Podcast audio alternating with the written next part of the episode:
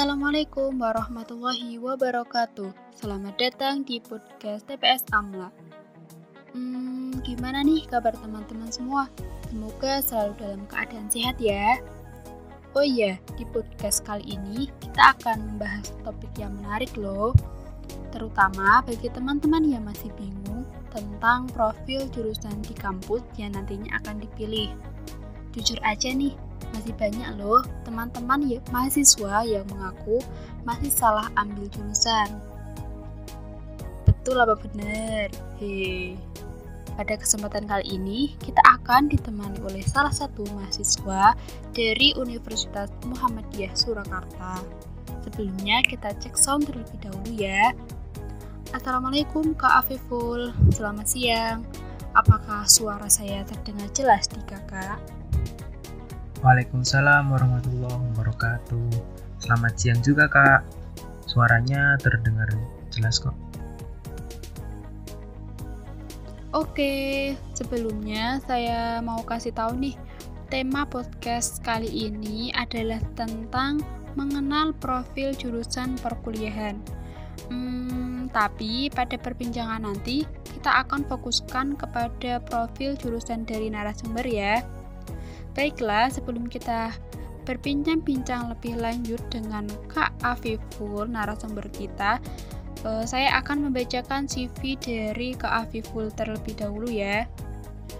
Nama lengkap Afiful Fida Lestiawan, tempat tanggal lahir Kabupaten Semarang 26 Juni 2000, jenis kelamin laki-laki, agama Islam, warga negara Indonesia, Status mahasiswa, alamat Batur Wetan, Batur, RT 3, RW 13, Kecamatan Getasan, Kabupaten Semarang.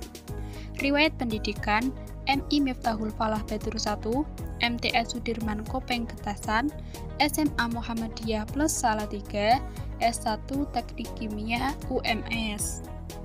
Pengalaman organisasi, Ketua Bidang Kajian Dakwah Islam PDI BM Salatiga tahun 2017 sampai 2019, Ketua Bidang Si Kerohanian Islam OSIS SMA Muhammadiyah Plus Salatiga tahun 2016 sampai 2017, Ketua Bidang Donor Darah PMR SMA Muhammadiyah Plus Salatiga tahun 2016 sampai 2017, Humas Hizbul Waton SMA Muhammadiyah plus Salatiga tahun 2016 sampai 2017, staf Subbidang Penerapan Ilmu Teknik Kimia KMTK tahun 2018 sampai 2019, Ketua Departemen Eksternal KMFT UMS tahun 2019 sampai 2020, Ketua Subbidang Penerapan Ilmu Teknik Kimia KMTK tahun 2019 sampai 2020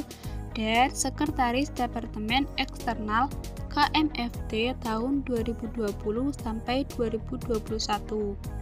Prestasi yang diraih oleh Kak Afiful di antaranya juara 2 pencak silat Ganesha Open Jateng tahun 2015, juara 2 pencak silat Salatiga tahun 2015, juara satu pencak silat Salatiga tahun 2016, juara satu pencak silat Olimpiade Olahraga Siswa Nasional Salatiga tahun 2016, dan juara dua pencak silat Olimpiade Olah Olahraga Siswa Nasional Karesidenan Semarang.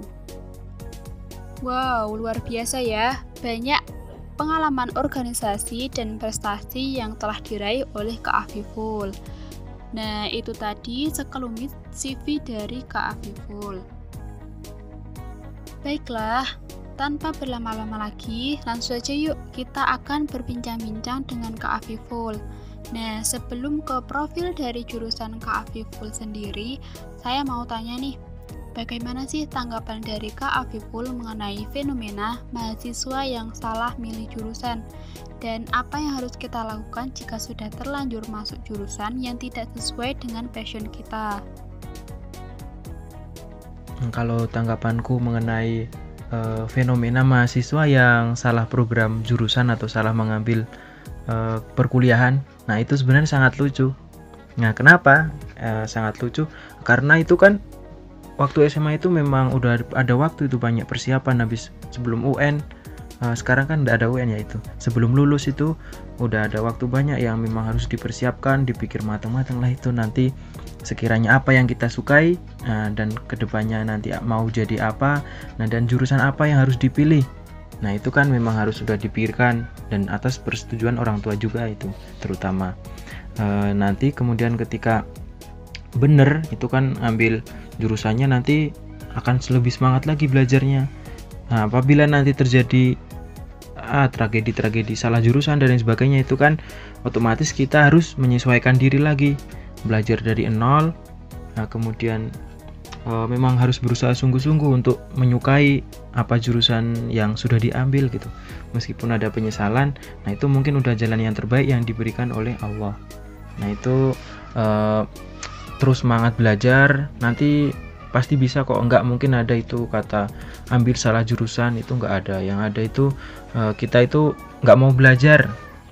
Enggak mau belajar atau mencoba hal-hal baru yang belum kita uh, pernah jumpai seperti itu. Jadi mungkin menurutku itu sih kalau fenomena salah jurusan dan juga gimana kalau sudah terlanjur uh, ke yang salah. Nah kita harus berusaha maksimal mungkin. Mungkin itu kalau dari aku sendiri Yap, setuju dong dengan pendapat Kak Afiful mengenai mahasiswa yang salah ambil jurusan atau program studi. Tinggal bagaimana kita menyesuaikan diri, belajar lagi dari nol, karena jalan tersebut sudah ditakdirkan yang terbaik untuk kita. Nah, sekarang pertanyaan kedua nih Kak, tentang jurusan Kak Afiful sendiri nih, yaitu teknik kimia. Pertanyaan yang mendasar nih Kak, sebenarnya apa sih perbedaan jurusan kimia dan teknik kimia itu sendiri? Cerita sedikit boleh dong kak, di jurusan teknik kimia yang dipelajari apa aja gitu? Hmm, ya untuk pertanyaan kedua tadi kan, apa sih bedanya kimia sama teknik kimia untuk di perkuliahan gitu. Jadi sebenarnya kimia itu ada beberapa, ada pendidikan kimia, terus kemudian ada kimia murni, ada juga teknik kimia. Nah, itu apa saja yang membedakan? Banyak sekali yang membedakan dari yang apa yang dipelajari, kemudian nanti setelah uh, sarjana atau lulus itu uh, lapangan kerjanya juga berbeda uh, dan lain sebagainya itu sangat banyak.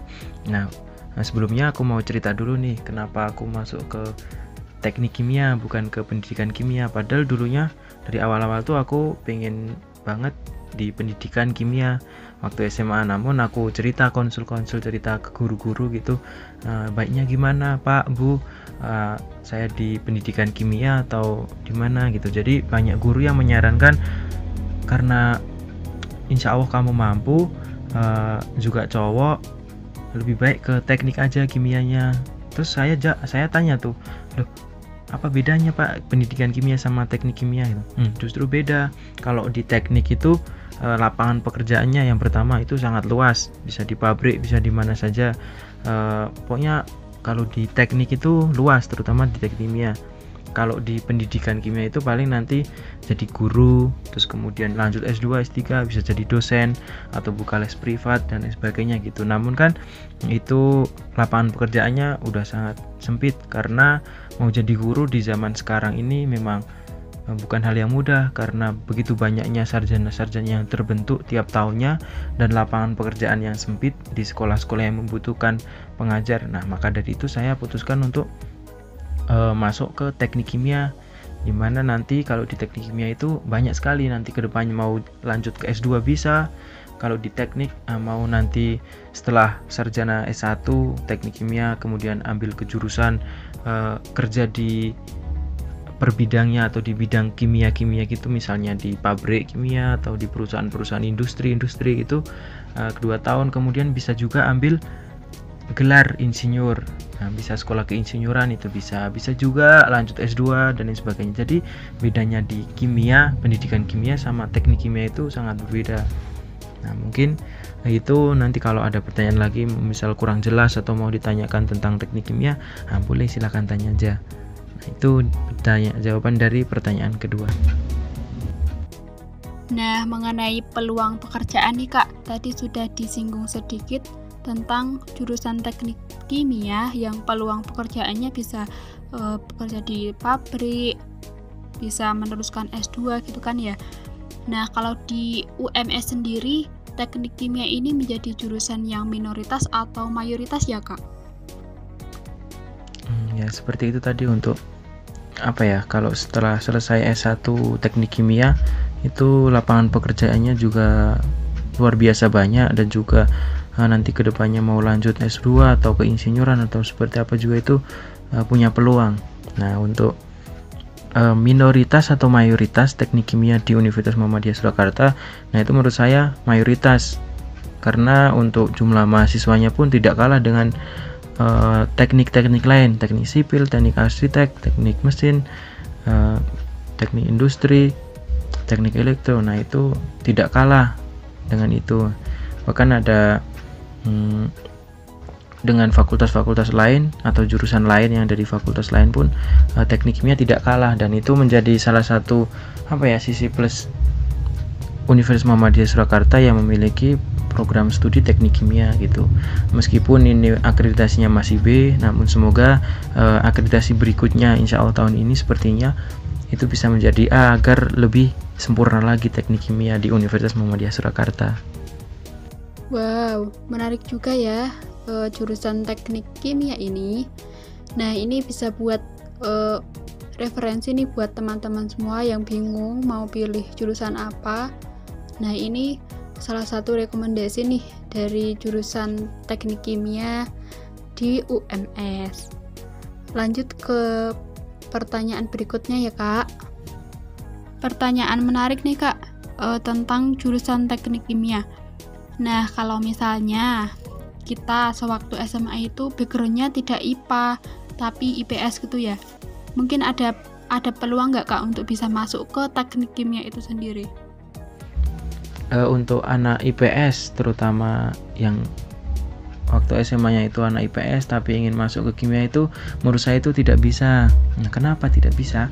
Karena kan uh, yang dipelajari waktu SMA jurusan IPS itu beda jauh sama kimia bahkan tidak ada itu kimia di jurusan IPS nah jadi e, kalau menurut saya saran untuk anak-anak IPS itu bisa masuk ke teknik misalnya teknik informatika atau misal jurusan yang lain e, yang juga peluangnya banyak misalnya di manajemen atau akuntansi dan lain sebagainya itu juga bisa. Tapi kalau untuk di teknik kimia nah IPS itu tidak bisa. Hmm, terutama di UMS atau di kampus itu uh, tidak ada jalur masuk teknik kimia untuk anak IPS nah seperti itu. Setauku itu sih Nah, sekarang sedikit banyak teman-teman sudah tahu kan tentang uh, jurusan dari Kak narasumber, Kak Afiful, yaitu teknik kimia. Uh, buat teman-teman nih uh, yang masih kebingungan bingung mau milih jurusan apa uh, jurusan teknik kimia ini menjadi rekomendasi banget buat teman-teman yang dulunya pernah di jurusan IPA Terakhir nih kak, boleh dong kasih quotes atau motivasi buat teman-teman TPS AMLA yang masih duduk di bangku sekolah ataupun yang akan melanjutkan ke perguruan tinggi uh, supaya semangatnya semakin menggebu-gebu. Untuk teman-teman TPS AMLA yang masih berada di bangku SMA, masih bingung mau lanjut kuliah jurusan apa, nah itu benar-benar difikirkan, minta restu orang tua dan banyak-banyak tanya ke orang yang udah pernah mengalami gitu yang misalnya Pak Ade Bude dan lain sebagainya itu. Karena nanti penyesalan itu pasti datangnya di akhir. Kalau untuk teman-teman TPS AMLA yang udah di bangku kuliah namun ngerasa salah jurusan atau menyesal gitu nah itu harus semangat belajar terima saja di mana pun teman-teman semua berada itu kasih yang terbaik dan buktikan kepada orang tua kalau saya itu mampu gitu intinya saya itu mampu dan saya pasti bisa banggain orang tua jadikan keringat orang tua kemudian kerja keras orang tua saat dia orang tua kita bekerja mencari duit untuk membiayain kita sekolah, membiayain kita kuliah. Nah, itu dijadikanlah salah satu alasan untuk saya harus belajar, terus belajar dan banggain kedua orang tua. Dan ingat, jangan terpengaruh oleh lingkungan, namun kitalah yang harus mempengaruhi lingkungan kita. Terima kasih. Alhamdulillah, setelah kita mendengar quote dan motivasi dari Kak Afiful, semoga teman-teman TPS AMLA lebih terpacu lagi untuk meraih cita-citanya ya. E, terima kasih kepada Kak Afiful yang telah meluangkan waktunya dan kepada teman-teman TPS AMLA, kami undur diri. Sampai jumpa di podcast selanjutnya. Wassalamualaikum warahmatullahi wabarakatuh.